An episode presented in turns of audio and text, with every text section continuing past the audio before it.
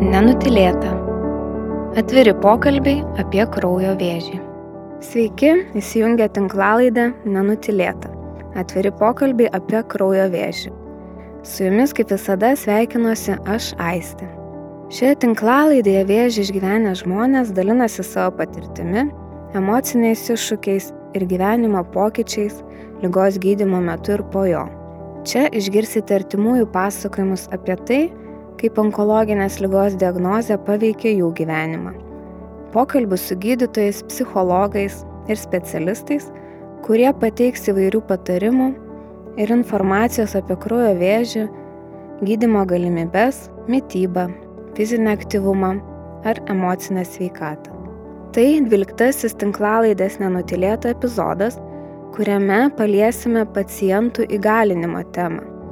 Netaip seniai įgalinimo terminas pradėtas plačiau vartoti ir sveikatos priežiūros sektoriuje ir vis dažniau pacientų įgalinimas yra pripažįstamas itin reikšmingu pacientų sveikatos priežiūros elementu. Pacientai yra skatinami labiau įsitraukti savo gydimo procesą, siekiant kontroliuoti jį ir lygą, o iš medicinos personalo yra tikimasi pacientus įgalinti tai daryti. Kas patenka į šią savoką, kodėl ji tampa vis aktualesnė ir kaip e, pacientų įgalinimas gali prisidėti prie geresnės sergančiojo savijautos gydimo metu, netrukus mums padės išsiaiškinti daugiau nei 20 metų onkopsichologijos rytyje dirbanti medicinos psichologė, psichoterapeutė Marija Turlinskinė. Labadiena, Marija. Sveiki, Aistė. Džiaugiuosi Jūs matydama tinklalaidės pašnekovės kėdėje. Džiaugiuosi, kad esu pakviesta. Tai ir pradėkime nuo tos savokos pacientų įgalinimas, ką jinai apibrėžia. Tai iš tikrųjų, kaip jau ir pasakėt, pacientų įgalinimas netaip seniai atsirado sveikatos psichologijoje ir medicinoje. Jeigu jau taip labai formaliai kalbėtumėm, tai apibrėžimą pateikė e, pasaulinės sveikatos organizacija ir tas apibrėžimas apibrieštas visai neseniai, 2012 metais. Ir skamba jisai maždaug taip, kad tai yra procesas, kurio metu pacientai įgauna didesnę įtaką su sveikata susijusiems sprendimam ir veiksmams, turi galimybę ugdyti gebėjimus, gauti informacijos, plėtoti turimus ir naujus išteklius, kurie veikia jų sveikatą ir gerovę. Tai labai formaliai dabar bandysim žmogiškai mhm. išnarplioti, kągi tai reiškia. O taip iš tikrųjų paprastai, e, paprastai tariant, tai galimybė pacientams būti aktyviem gydimo proceso dalyviams. Tai reiškia gauti informacijos tiek ir tokios, kokios jiem reikia. Tai atsakomybės ir autonomijos pajūtimas, e, tai pačios tam tikrais veiksmais, kurie, kuriuos galėtų taikyti ir medikai, ir aplinka, ir artimoji aplinka, tai e, šeimos nariai, draugai ir bendrai visuomenė tam, kad žmogus susidūrė su rimta lyga, su, o tai mes galim kalbėti ir apie lėtinės lygas, ir apie onkologinės lygas, kad jisai jaustųsi galintis kažką padaryti tam, kad padėtų savo sveikti, kad jis nesijaustų situacijos auka, kad jisai aktyvuotų tiek savo turimus resursus, tai reiškia kažkokius savo vidinius dalykus, savo vidinius išteklius, kurių pagalba galėtų susidoroti su ta stresinė situacija, kurią kelia e, lyga, bet to pačiu ir išmokti kažkokiu dalyku, kurie jam dabar gydimosi metu, na, yra gyvybiškai svarbus. Ką daryti, ką sekti, ką stebėti kaip elgtis, ko saugotis, ne, kokiu rekomendacijų klausytis, kokias vykdyti. Ir visa tai yra tam, kad žmogus e, ir lygos metu, ir gydimosi metu, ir grįždamas po lygos e, į įprastą gyvenimą, jaustųsi kuo geriau. Ir kad jo nu, gyvenimo kokybė būtų kuo optimalesnė tokiom sąlygom.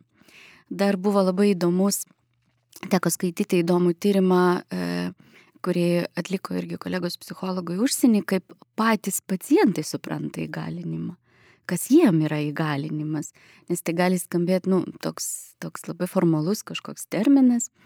Tai e, žmonės buvo pakalbinti, buvo toks kokybinis tyrimas ir patys pacientai tai pasakė kelis tokius faktorius. Tai vienas, tai kovos dvasia, tai sužadinimas savyje kažkokių jėgų, kurios padėtų mm, padėtų prisitaikyti, galbūt gyventi su lyga. E, nenorėčiau akcentuoti tos kovos, galbūt čia daugiau apie tai, kad, na, išmokti, prisitaikyti, kažką daryti tam, kad e, gyventi su lyga, ne, eiti sveikti, nesveikimo keliu. Taip pat e, patys pacientai akcentavo e, vertybių ir prioritetų pasikeitimus. Jie, kalbėjo, jie pažymė, kalbėjo apie tai, kad na, svarbu kelti kažkokius trumpalaikius tikslus, nesirišti prie tolimesnių, ilgalaikių, nes tai kelia didelį įtampą ir stresą. Taip pat pacientai kalbėjo apie norą padėti kitiem, nes tokiu būdu irgi žmogus jaučiasi stipresnis, ne tik gaunantis pagalbą, bet ir galintis padėti kitiem. Ne? Ir aišku, jie pabrėžė aplinkos svarbą, tiek artimųjų palaikymą, tiek medikų palaikymą. Bet medikų palaikymas tai yra daugiau apie tokį pagarbų santyki, apie pakankamą informavimą, apie pasitikėjimą, apie bendradarbiaujantį bendravimą. Ne? Tai va tokie aspektai, kuriuos patys paklausti pacientai įvardino. Mhm, labai įdomu iš tikrųjų, kaip, kaip pacientai tai supranta. O iš jūsų kaip psichologijos požiūrio taško, kodėl sergant onkologinėmis lygomis yra svarbu būti aktyviai savo gydimo proceso dalyviais ir kaip tai gali keisti lygos patirtį ar netgi gydimo rezultatus? Iš tikrųjų labai svarbus klausimas, bet ir gana sudėtingas. Gal čia trupučiuką mes galėtumėm taip istoriškai prisiminti, gal panagrinėti, kaip keitėsi požiūris į pacientą galbūt medicinoje ir kaip keitėsi paciento vaidmuo. Mhm. Ne? Ir jeigu mes dar grįžtumėm į praeito šimtmečio pirmąją pusę, tai medicinoje vyravo toks biomedicininis požiūris, modelis, kuris, mm, na, kurio pagrindinis e, motyvas buvo gydyti kūną, buvo gydomas e, žmogaus kūnas, tai buvo gydoma lyga ir e, į patį žmogų labai nedaug dėmesio kreipta. Ir mm, net prisiminus pradžią onkologinių lygų, Tai juk visi žinom, kad buvo slepiama diagnozė nuo paciento, buvo labai mažai pasakojama, tarsi stengiasi apsaugoti žmogų nuo to streso papildomo, nuo neigiamų jausmų, išgyvenimų, bet iš tikrųjų tuo pačiu ir buvo atimama galimybė žinoti, galimybė mm, ruoštis, ne, ar gyventi, ar, ar mirčiai, ne, buvo atimama iš žmogaus teisės spręsti apie save, jo atsakomybė už save, ne? Gydytojas buvo laikomas tokiu vieninteliu autoritetu, kuris ir galėjo, tik jis ir galėjo priimti mhm. sprendimą. Kažkaip, nu, tiesiog buvo toks modelis, buvo toks požiūris, ne? Taip visi vadovavosi ir, bet ilgainiui pradėjo kilti klausimų. Ir e, keitėsi, e, keitėsi galbūt e, plėtėsi biomedicininis modelis, vis labiau e, pradėjo suprasti, kad veikia ir psichologiniai, ir socialiniai aspektai. Ir mes, nu, teoriškai tai galim kalbėti, kad pradėjo, e, pradėjo kreipti dėmesį į tokį platesnį, tokį žmogišką, humanišką, ne į pacientą orientuotą mediciną atsisukom. Ir mm, moksliniais terminais kalbant, tai biopsichosocialinė paradigma pradėjo vyraut, arba bent jos buvo siekiama kaip tokios optimalios, kur svarbu ne tik kūnas, bet lygos metu svarbu yra visas žmogus.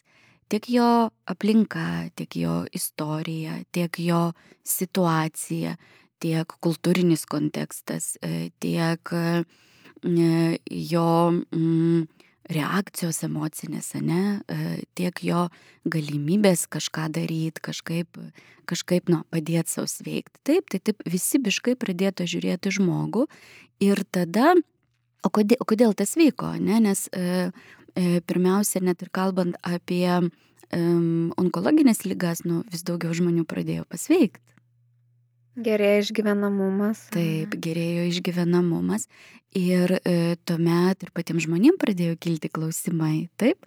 Ir tokiu būdu, na, vis natūraliai tarsi žmogus pats nu, norėjo tapti aktyvesniu, daugiau žinot, labiau suprast ir prisijimti dalį tos atsakomybės už savo sveikatą ir, ir gyvybę.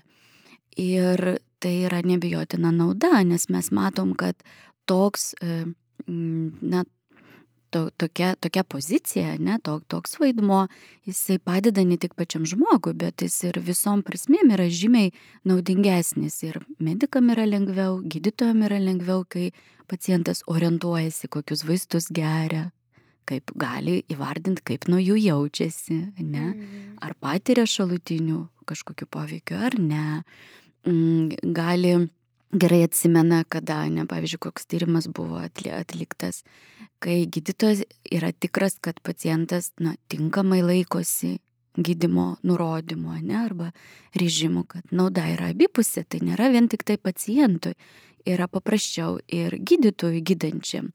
Bet lygiai taip pat mes matom, kad nauda yra ir dar platesnė, juk ir Ir visuomeniai yra svarbiau, svarbu, kad žmogus ne, nebūtų invalidizuojamas tik susirgęs arba nebūtų invalidizuojamas pasveikęs, nebaigęs gydimą, kad jis galėtų grįžti į įprastą savo gyvenimą ar tęsti mokslus ar grįžti į profesinę sritį. Ir lygiai taip pat tai yra svarbu, kalbant apie stigmų mažinimą, apie stigmatizavimą onkologinę lygą sergan, mhm. sergančių žmonių.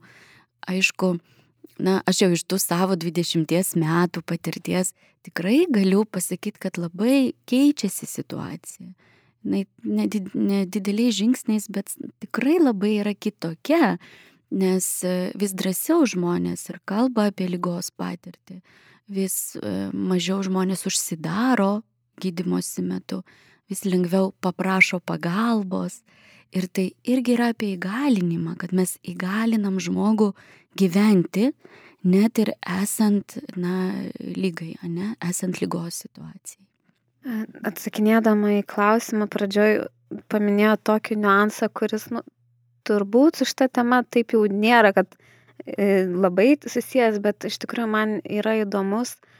Ir aš žinau, kad ir dabar vis dar yra žmonių, kurie, pavyzdžiui, e, kuomet vyresnio amžiaus artimiesiam yra diagnozuojama onkologinė lyga, nuo jų nuslepia. Ir kaip jūs ir minėjot, kad tarsi atimama teisė iš jų ir žinoti, ir spręsti.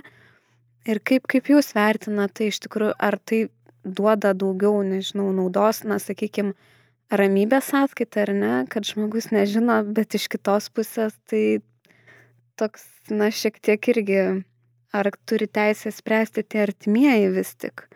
Um. Šiaip situacijų yra visokiausių ir dabar, na, dirbant praktinį darbą, mes galim susidurti, kad skamba prašymas nesakyti. Pavyzdžiui, artimieji, na, prašo gydytojų, gal galima nesakyti tai e, dažniausiai paklausiam atgal, o kodėl, kas jūs gazdina, kas, kas tokio, na, nuo ko norit apsaugoti, ne? Ir labai dažnai iškyla, kad iš tikrųjų tai nori patys apsisaugot. Apsisaugot patys nuo kažkokių stipresnių emocijų, nuo ašarų, e, to paciento galbūt taip, nuo savo ašarų. Tarsi bando tą situaciją pratinti po trupučiuką labai baisu, kas užgrius, kai ta, ta, ta žinia nuskambės. Ir kai vad su artimaisiais kalbam, na, mums psichologam tikrai dažnai tenka apie tai kalbėti, sakyt, ką sakyt, nesakyt, sakyt kiek, ne, ir, ir kaip. Ir kaip, mm. taip. Tai visą laiką ir aptariam tokius dalykus, o ko bijot, o kas e, bus, e, nu, bet, kaip įsivaizduot, kas bus, kai sužinos. Ir dažniausiai nuslėpti visai neįmanoma. Juk pacientas jaučia, pacientas jis turi tokių, aš sakau, tokį emocinį radarą, kuris tampa labai jautrus lygos situacijų ir labai mato mimikas, mato mūsų elgesį, mato mūsų kažkokią neverbaliką, ne? Ir jis tikrai jaučia tą nenoširdumą, jis jaučia, kad kažkas e, slepiama. Juolab, kad ir mūsų laikais kažką nuslėpti, nu jau nėra taip paprasta.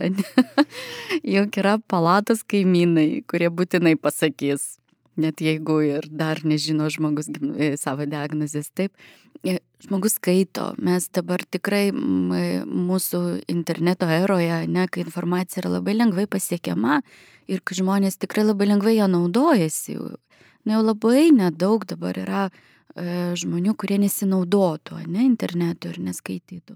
Tai pagūglina simptomus, pagūglina skiriaus pavadinimą, ne, kurį yra paguldytas.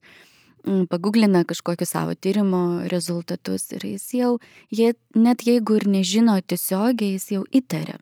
Tai tas slėpimas, jisai, e, na, aš sakyčiau, jis yra toks iliuzinis, jis neįmanoma nuslėpti dabar informaciją. Tačiau toks, na, mėginimus, mėginimas e, apsisaugot nuo tų emocijų, kurias kelia diagnozė ir ta stresinė informacija, jis labai žmogiškas ir suprantamas. Tai vad, nu, tokiu informaciniu aspektu, ne? Bet dabar dažniausiai vyresnio amžiaus pacientai nori žinoti.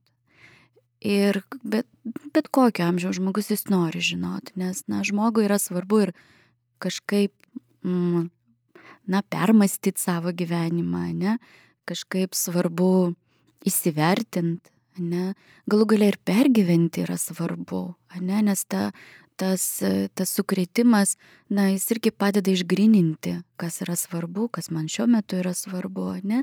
Mūsų gal užduotis tik tai nepalikti žmogaus išgyvenančio ir tokio kriziniai, stresiniai situacijoje vieno su savo jausmais, būti šalia. Ar tai tu kalba apie artimuosius, ar tai tu apie medicinos ne, darbuotojus. Bet matant, kad diagnozė yra labai netikėta arba labai pribloškia arba labai išgazdina, svarbu nu nepalikti su, su tais jausmais vieno. Mhm.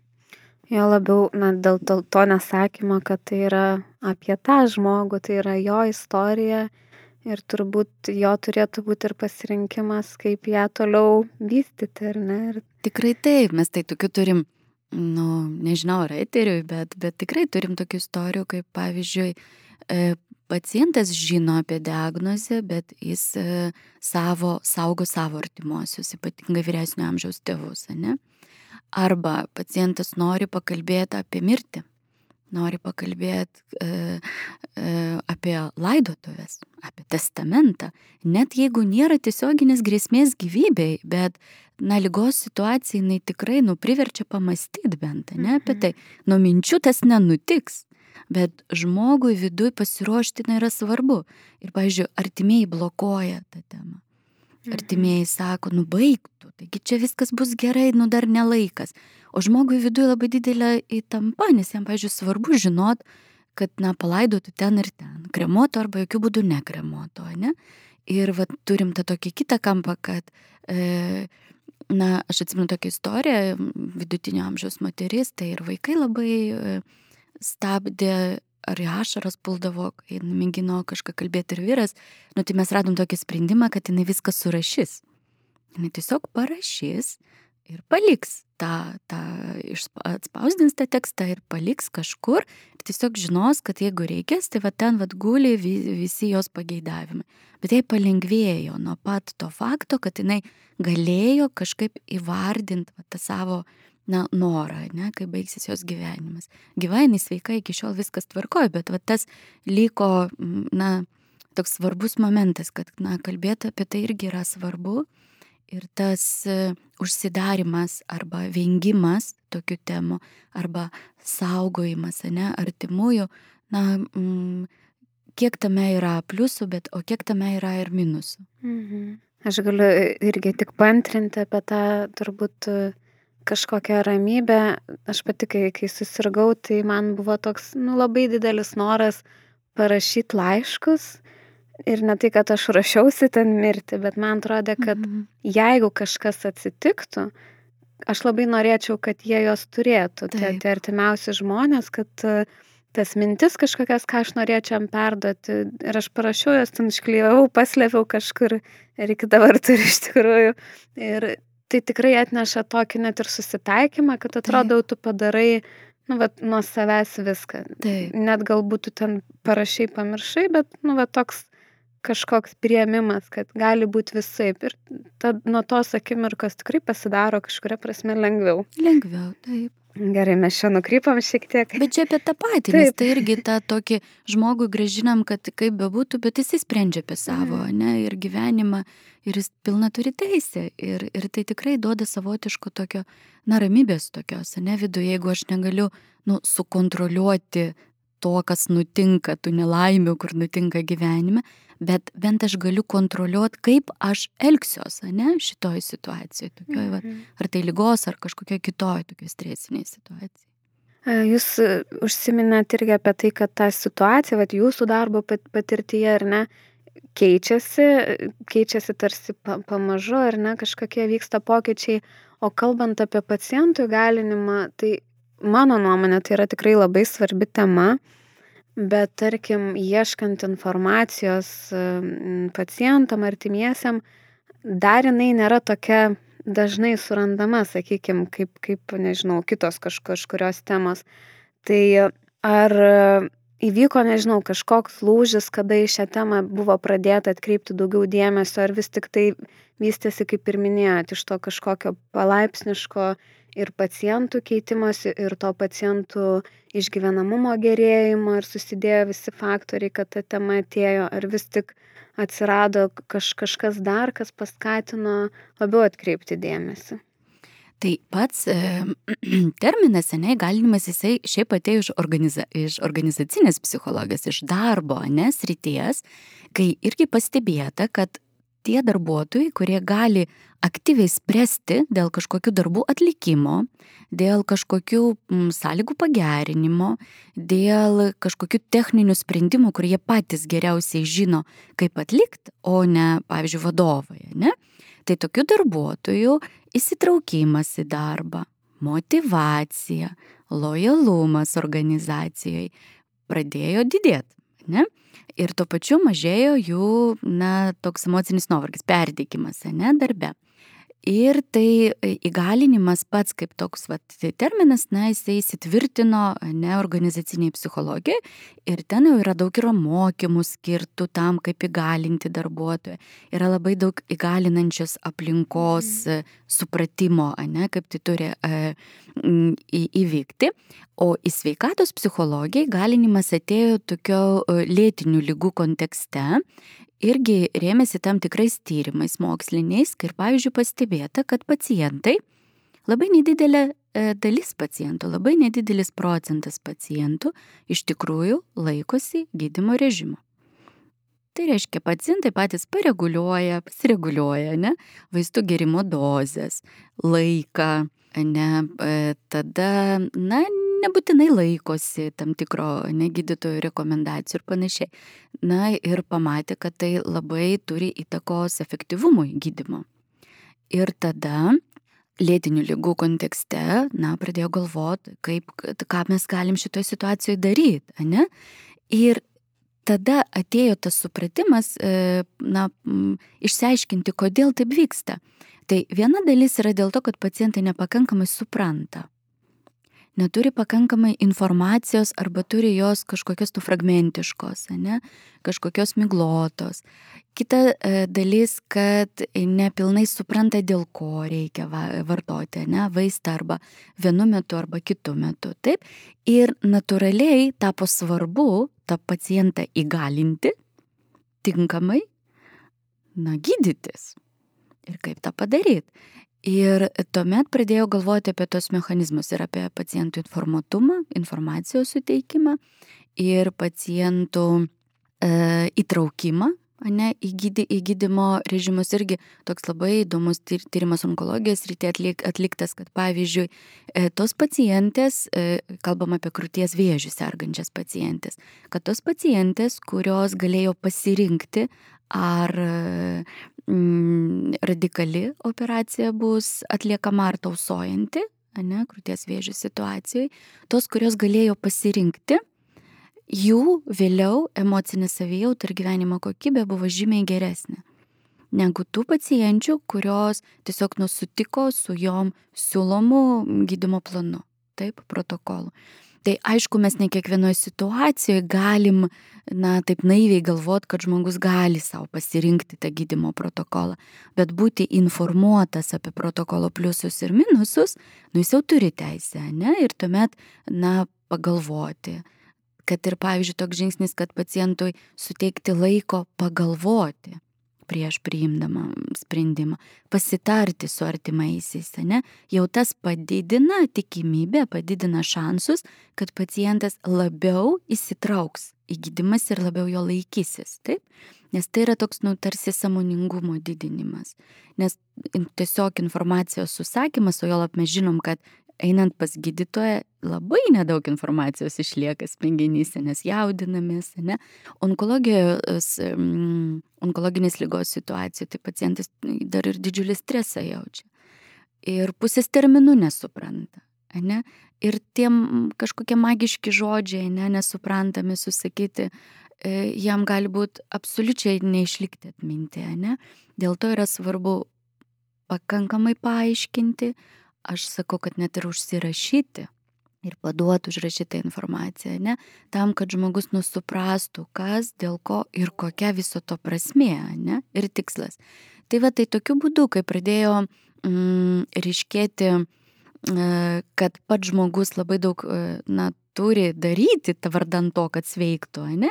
Ir atėjo tas supratimas, kad turim jam suteikti tos išteklius, tos resursus.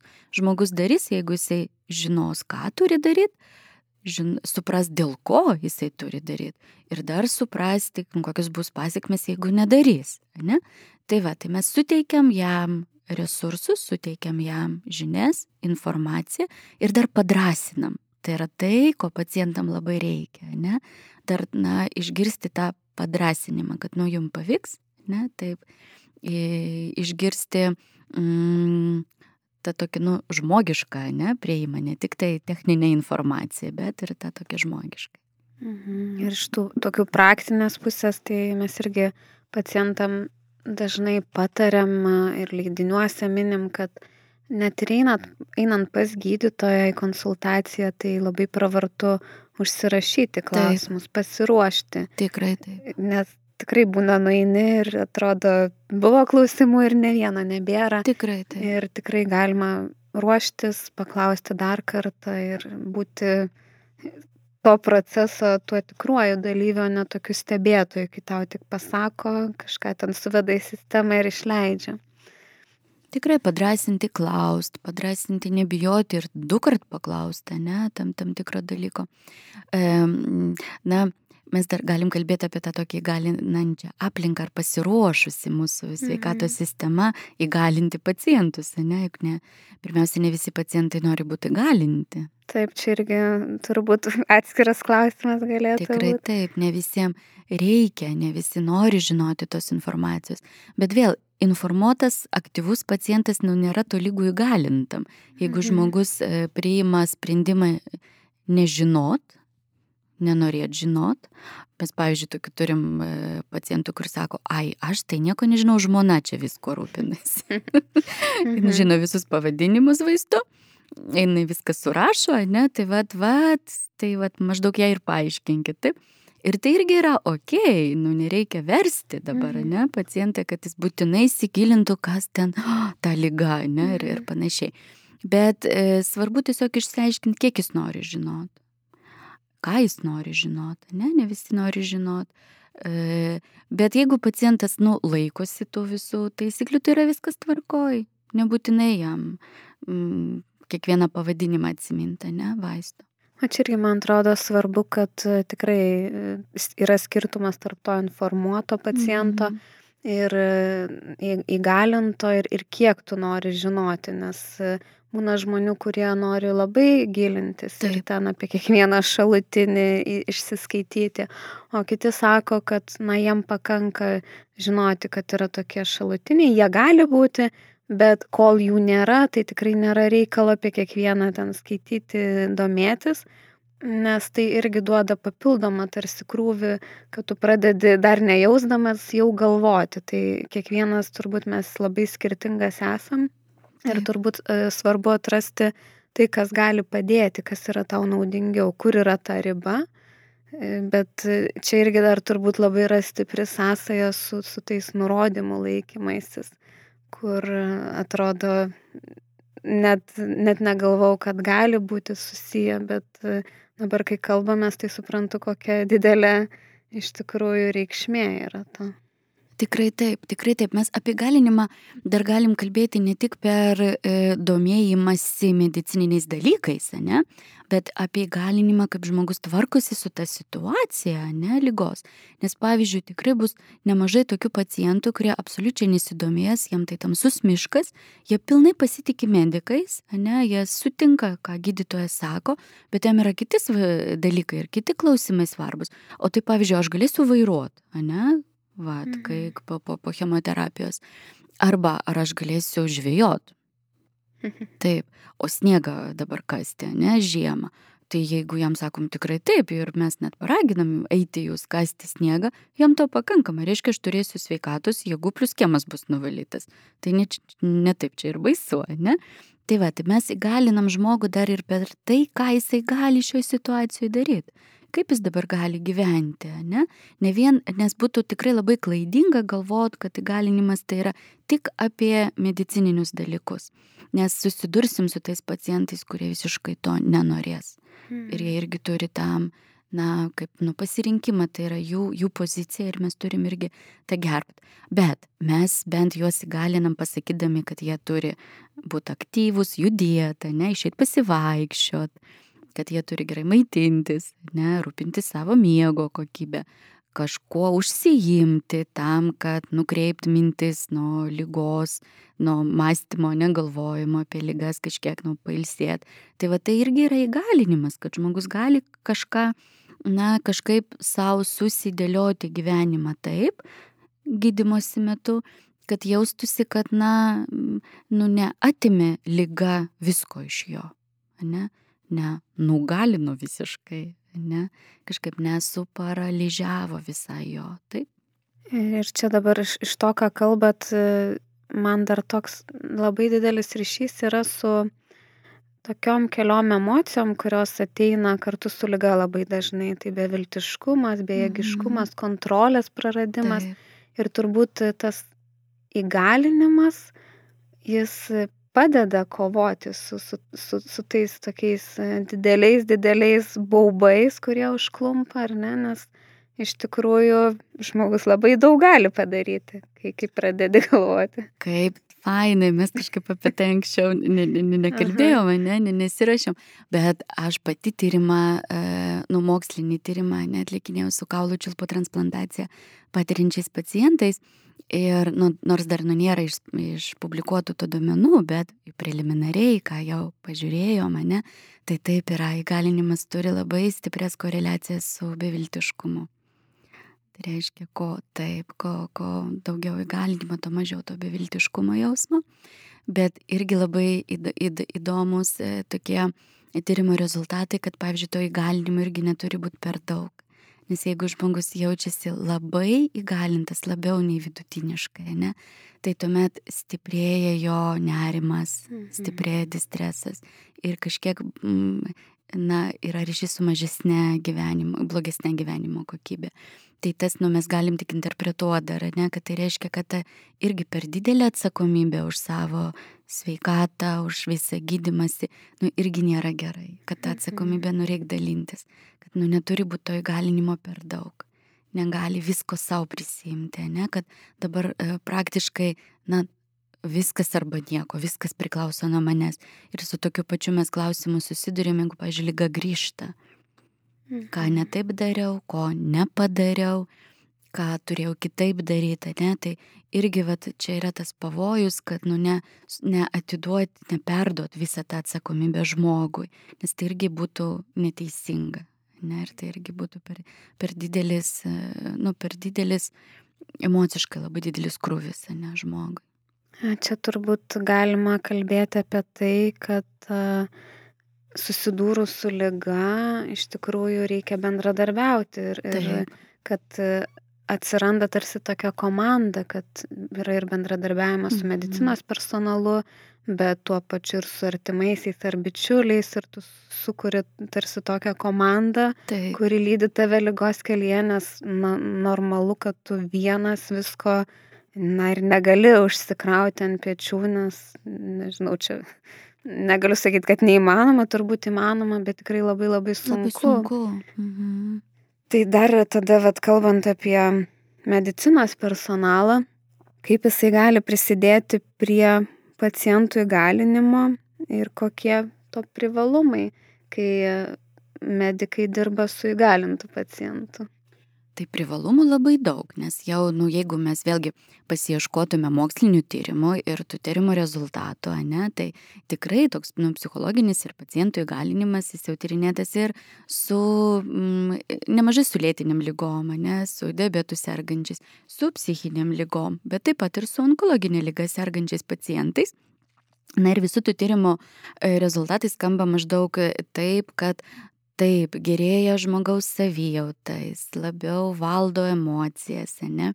gerėja jo bendra gyvenimo kokybė, jis labiau e, pasitikė medikais, e, jis e, didėja jo žinios medicininės, taip, jis labiau, daugiau jaučia kontrolės savo gyvenime, grįžta, ne, ta kontrolė, kuri, kurią atimė, iliuzinė ta kontrolė, ne, kurią Mhm. atimė lyga.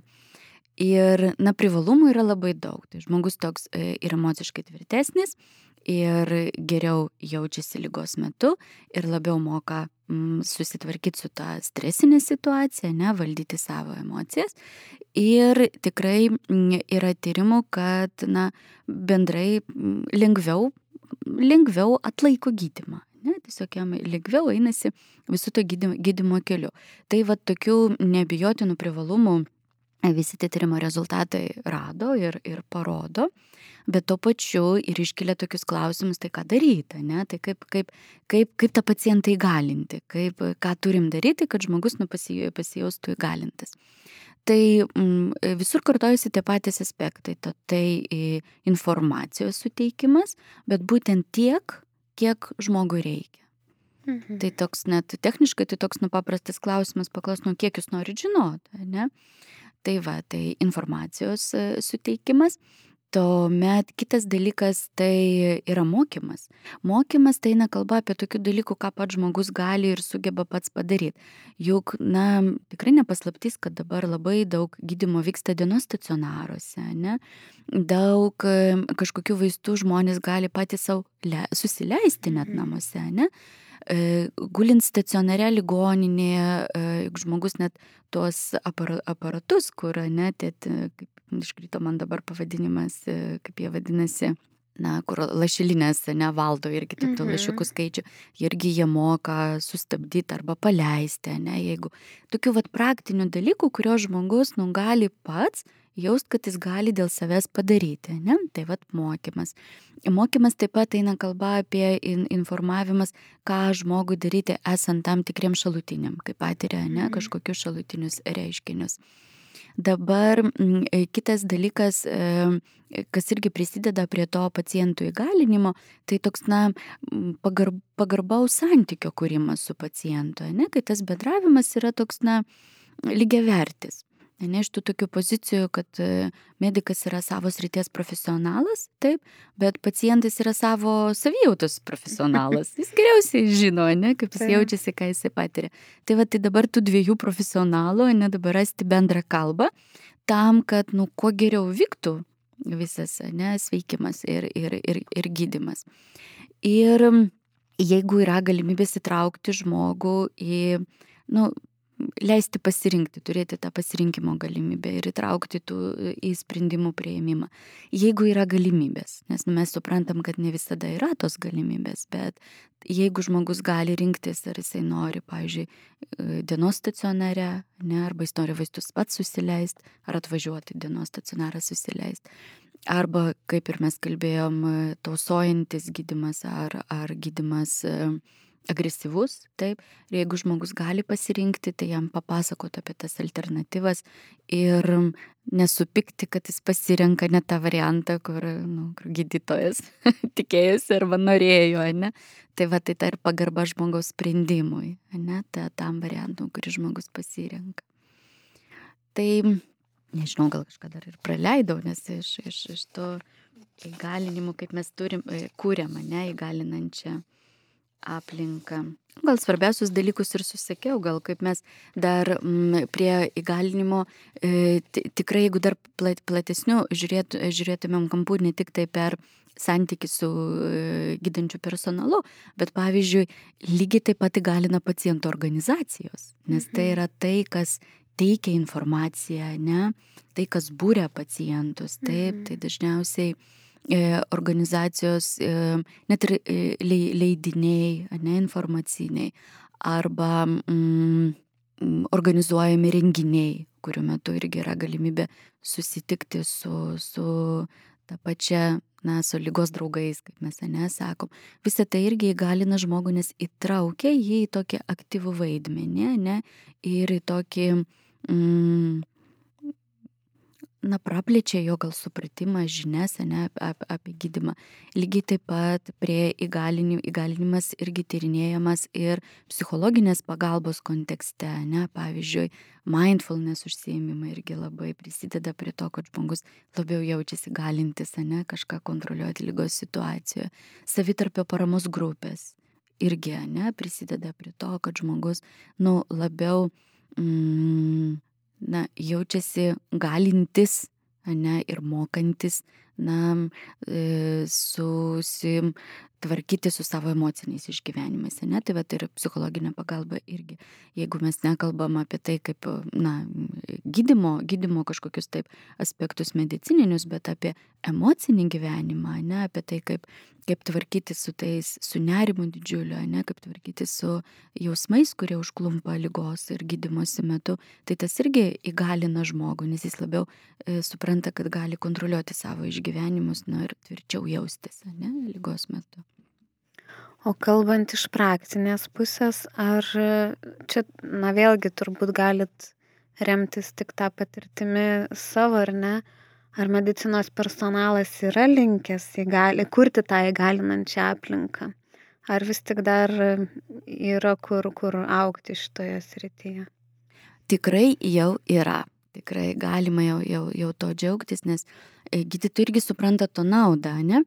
Ir naujos, jaunos kartos gydytojai ypatingai, mm, aš nu sunku pasakyti, ar bendrai situacija keičiasi, ar bendrai gydytojai yra tokie, na, kuriantis tos tokius lygiverčius santykius su pacientais, ne, tokius, tai, tai jie tikrai labai daug aiškina, labai, labai daug pasako, ne, labai daug um, e, žmogui, mm, na, suteikia tų resursų, tų išteklių, ne, kaip dabar, va, ta, gyventi su lyga dabar, ne, ir, ir gydimosi metu. Tai man labai norėtųsi pasidžiaugti, kad jau tas vyksta.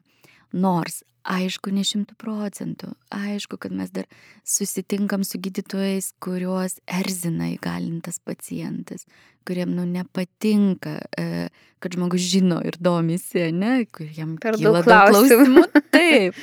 Arba, kad jie dar Bet vėlgi mes čia turim ir tokią nu, ir sisteminę bėdą, kad ne visada yra tiek to laiko mhm. paaiškinta, ne? Tai. Noras didžiulis, bet nu, ne visada galimybės atitinka ir sąlygos, taip. Tai va tai, bet bendrai tikrai taip. Bendrai tikrai aplinka dabar yra labiau įgalinanti negu kad buvo anksčiau, nes aš manau, kad naudą iš to jaučia visi. Ir lygiai taip pat, kalbant apie tą nu, švietimą, edukavimą, ne, juk svarbu ne tik medikus edukuoti, kad jie pagarbiai, ne, su pacientais bendrautų, elgtųsi, bet lygiai taip pat ir pacientus, nes, nu, sudėtinga bendrauti su piktų, priešiškai nusistačiusiu, mhm. ne pacientu, kuris iškart mato tik, na, ne, nežinau, išreiškia nepasitenkinimą, nepasitikėjimą ir panašiai. Tai mes čia taip, nu, plačiau trupučiu, irgi galim kalbėti apie tai, kad, na, ugdyti šviest visuomenę, ne, žmonės, kad, nu, medikai nėra tie pirmiausia, jie nėra kalti, kad žmogus susirgo, o antra, jie nėra kažkokie priešai, ne, šitoj situacijai.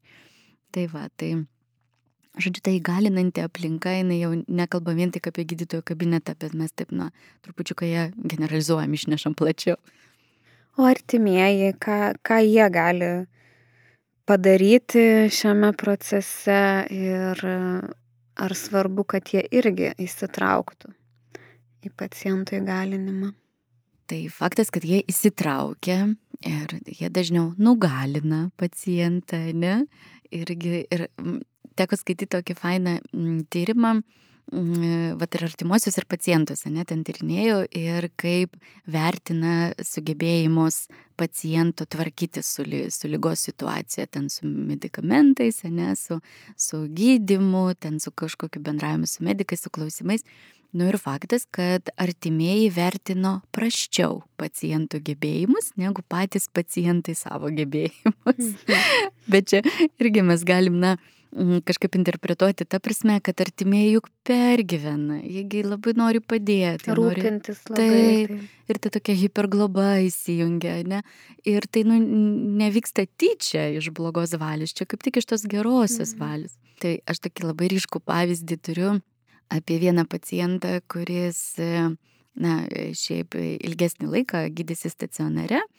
Ir dienos metu jis ir vaikščiojo pats, ir, nu, pilnai puikiai apsitarnaudavo, nueidavo arbatos savo pasidaryti, ne, ir vieną kartą teko man jį pamatyti vakare, kuris guli iš lovos nepasikelia, o žmona bėga ir neša arbatą ir šiaudelį dar įdėjusi patok. tai mano pirma mintis, jie to ar taip pablogėjo, staiga žmogui dieną dar matėm vaikštantį. O pasirodo, kad žmona labai norėjo rūpintis, ne, ir, ir žmona, nu tiesiog nieko nereikėjo daryti, kai atvažiuodavo žmona, nes net arbatą iš per šiaudelį, ne, buvo galima gerti. Tai mes tai aišku, nu, juokiamės tai dabar, bet iš tikrųjų tai kalbam, kad, na, žmonai irgi ir tiem artimiesiems irgi reikia suprasti, kad juk pacientas grįž namo ir įsivertinkite, ar jūs galėsit jam per tą šiaudelį tą arbatą paduoti non-stop, tris kartus, penkis per dieną. Ar jums irgi parankiau būtų, kad žmogus vaikščiotų, ne, ir galėtų pats apsitarnauti. Tai va, tai ta hipergloba, tai jinai kaip tik, nu, neskatina, ne, to įgalinimo, bet jinai žmogiškai prasme labai suprantama. Tai va tas aptarti, tas, tas pagalbos, aptarti tą pagalbos, na, nežinau, kaip atrodys teikimą, ne, tos pagalbos ribas, irgi yra labai svarbu. Dažnai susidurėm su to, kad e, artimiai irgi labai saugo pacientus ir sako, oi, o jie tau tu po chemijos arba ten, va, tu tik po gydimo, tu tik gulėk Juk tu nejudėk, nieko nedaryk, e, net tų bulvių nuskust ir tu ne, ne, neleidžia, ne? Arba to sniego nukasta, ne? Ar dar kažko, nes nelabai labai e, saugo. O žmogui reikia kažką daryti, nu, nu nerealu gulėti, ne, visą dieną. Net jeigu ir praščiau jaučiasi, nu vis tiek norisi kažkiek pajudėti. Tai va tai rasti tos nu kompromisus, tos sveikus kompromisus mhm. tokius. Ir saugot, bet tuo pačiu ir leisti kažką daryti net duoti to darbo. Aš sakau, nes žmogus, nu, pacientas iškart kitaip jaučiasi. Jaučiasi, kad, na, kažko padeda, kažko prisideda prie būties, ne, ir stiprėja kitaip, kai jis kažkuo užsijima, ne, mhm. kažką veikia. Tai va, tai su artimaisiais yra, vad, na, toks niuansas, kad tas hipersaugojimas, hipergloba kartais atima iš pacientų galimybę stiprėti. Tai va, tai visada tai svarbu aptarti. Ir netgi motivacija turbūt, nes tikrai, jo. kai tau artimas sako, tu to nedaryk, tau to negalima, taip, tu čia silpnas. Taip. Tai veikia priešingai, turbūt. Tikrai, Nors suprantama, taip. kad intencijos tikrai geros. Geros, jo. Bet uh, turbūt reikia rasti vat, tą ribą ir... Taip, taip. Mes čia net neseniai irgi buvo to, to, tokia istorija, net juokimės. Sako, taigi juoktis negalima. Čia juoktis negalima. Nuo kada čia? Nuo kada čia juoktis negalima? Ne, nu čia taip rimta, kad, nu ne, jau net juoktis negalima. Taip paskui visi draugė ir juokiamės, kad juoktis kaip tik reikia. Nu va. Negalima. O kaip praktiškai turėtų atrodyti įgalinimas, kaipgi įgalinti pacientą lygos situacijoje? Na ir sudėtinga ir paprasta atsakyti, ne? nes nu, pirmiausia, tai reikia, sužino, reikia, ką pats žmogus mano apie visą tą situaciją ir kokias jisai jaučia mm, savo galimybę šitoje situacijoje, nu, lygos situacijoje, kažką daryti, ne, dabar savo gyvenime. Tai um, Na, mūsų psichika taip įdomiai sukurta, kad, pavyzdžiui, stresą mes irgi kaip reaguojam, nu, įvertinam iš pradžių, kas čia per įvykis nutiko, kokio iš čia baisumo, ne? Tada įvertinam, ar galim kažką daryti šitoje situacijoje ar negalim. Ir tik tuomet jau kažkaip elgiamės, ne? Ar sustingstam, ar bėgam nuo tos situacijos, ar puolam, ne? Ar kovotų ruošiamės. Tai va ir žmogus, ar ta situacija dabar jį visiškai e, nukautavo ir jis jau nieko negali daryti, ne? nesijaučia galintis kažko daryti, ar jis nori bėgti nuo jos, ar jis nori imtis kažkokio veiksmų ir, ir kažką joje daryti, ne? Tai vad pirmiausia išsiaiškinti, nu kaip žmogus dabar šitoje situacijoje jaučiasi.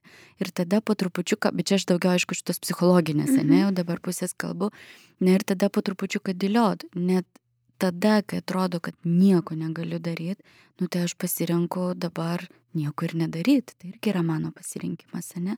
O toliau mes aptarėme tos kitus žingsnius, nu, nežinau, susidedu tašę į ligoninę, ne? Paskaitau kraujas LT, ką rašo, ne, apie ten, apie hematologinės lygas ir gydimą mm, nueinu pas gydytoją ten su, su pasiimu žmoną, dukrą, nežinau, šeimos narį, taip. Tai va, ir po trupučiuką, na, dėliot, ką vis dar gali žmogus šitoje situacijoje.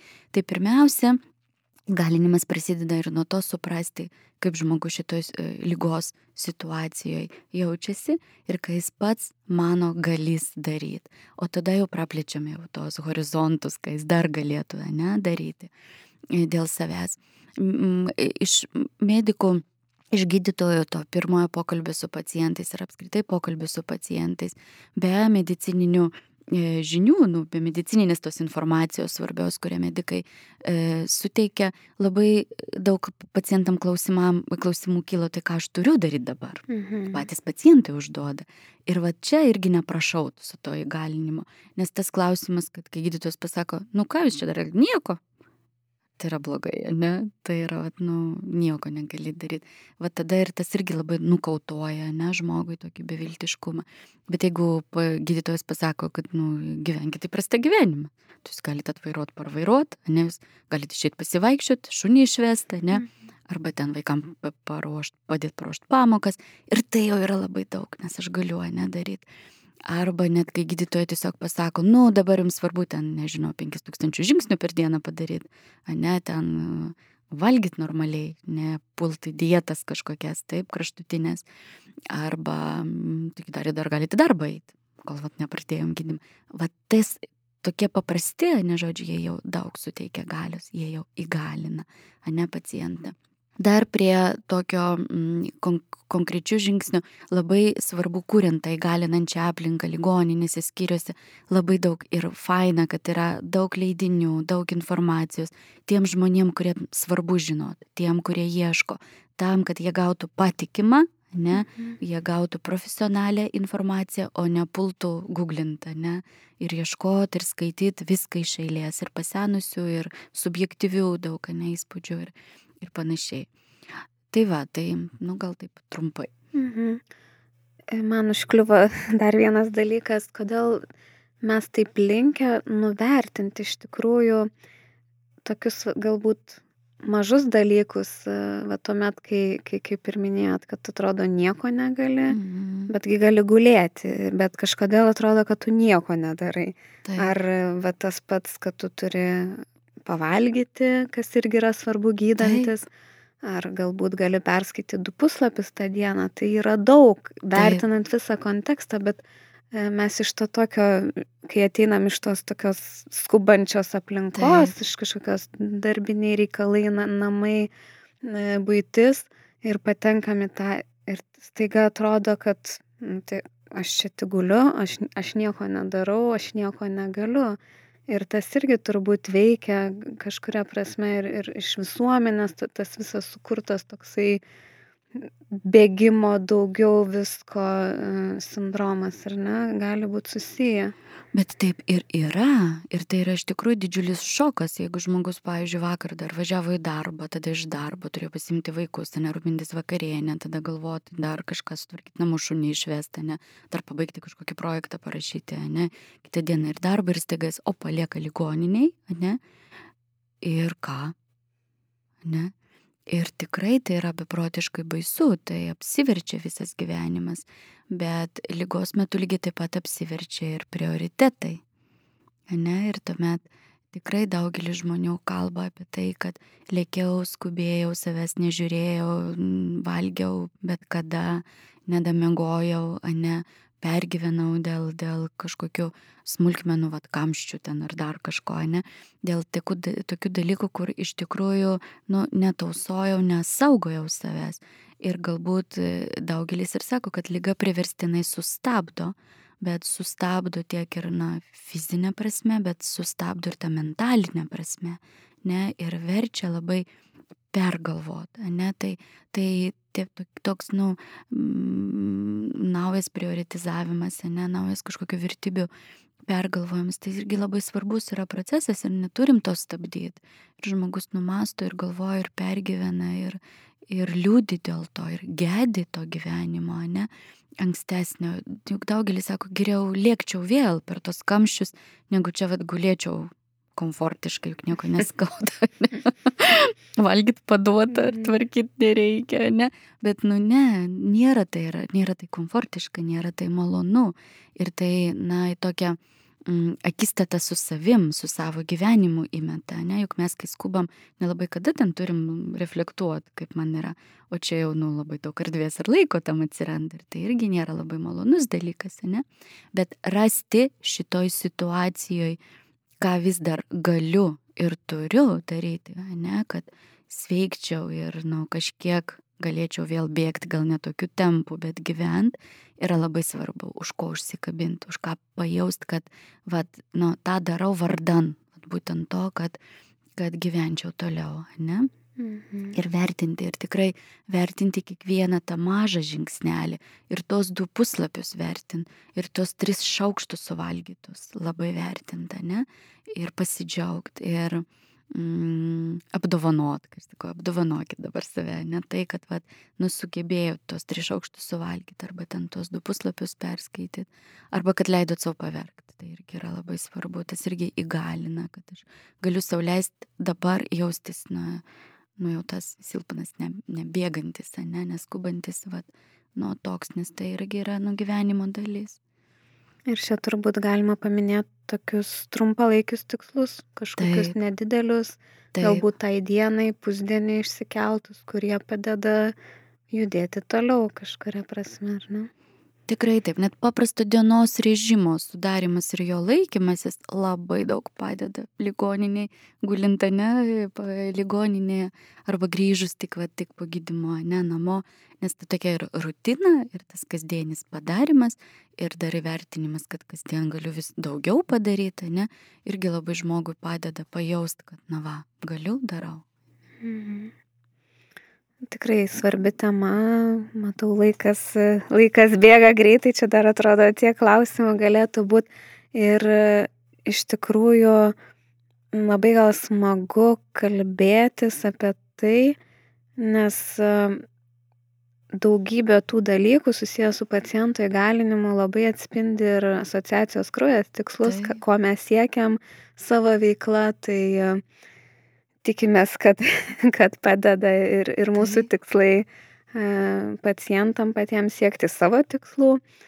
Ir tada gali tai būti apie pacientų įgalinimą, gali būti apskritai, bet dar kažkokį palinkėjimą.